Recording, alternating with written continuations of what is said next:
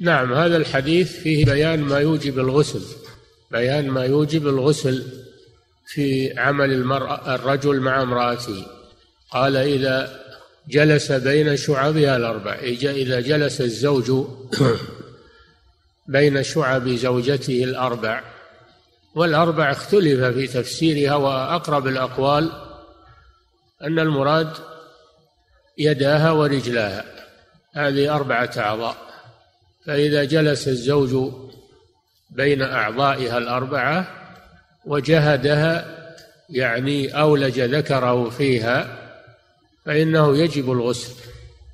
وفي الحديث الآخر إذا التقى الختانان أي ختان الرجل وختان المرأة فقد وجب الغسل.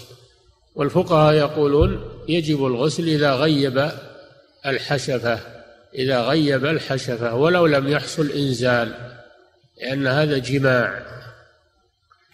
يسمى جماعا يوجب الغسل ولو لم يحصل منه إنزال.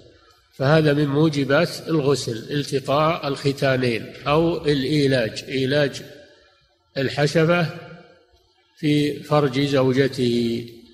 إنه حينئذ يجب عليه الغسل وعليها أيضا على الاثنين عليه وعليها. هذا معنى جهدها يعني جامعها بالإيلاج. أما إذا لم يحصل إيلاج يعني استمتع بها بدون إيلاج ولم يحصل إنزال فلا غسل حينئذ.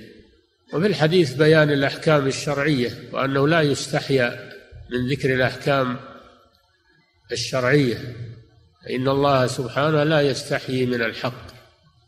والرسول صلى الله عليه وسلم في هذا الحديث بين ما يوجب الغسل على الزوجين في الجماع بينهما والغسل معروف هو استعمال الماء في جميع على جميع البدن كما سبق وهو الطهارة الكبرى.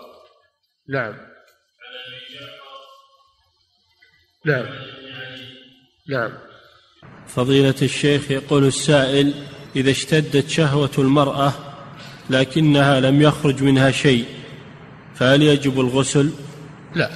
إذا لم يخرج منها شيء لا يجب الغسل.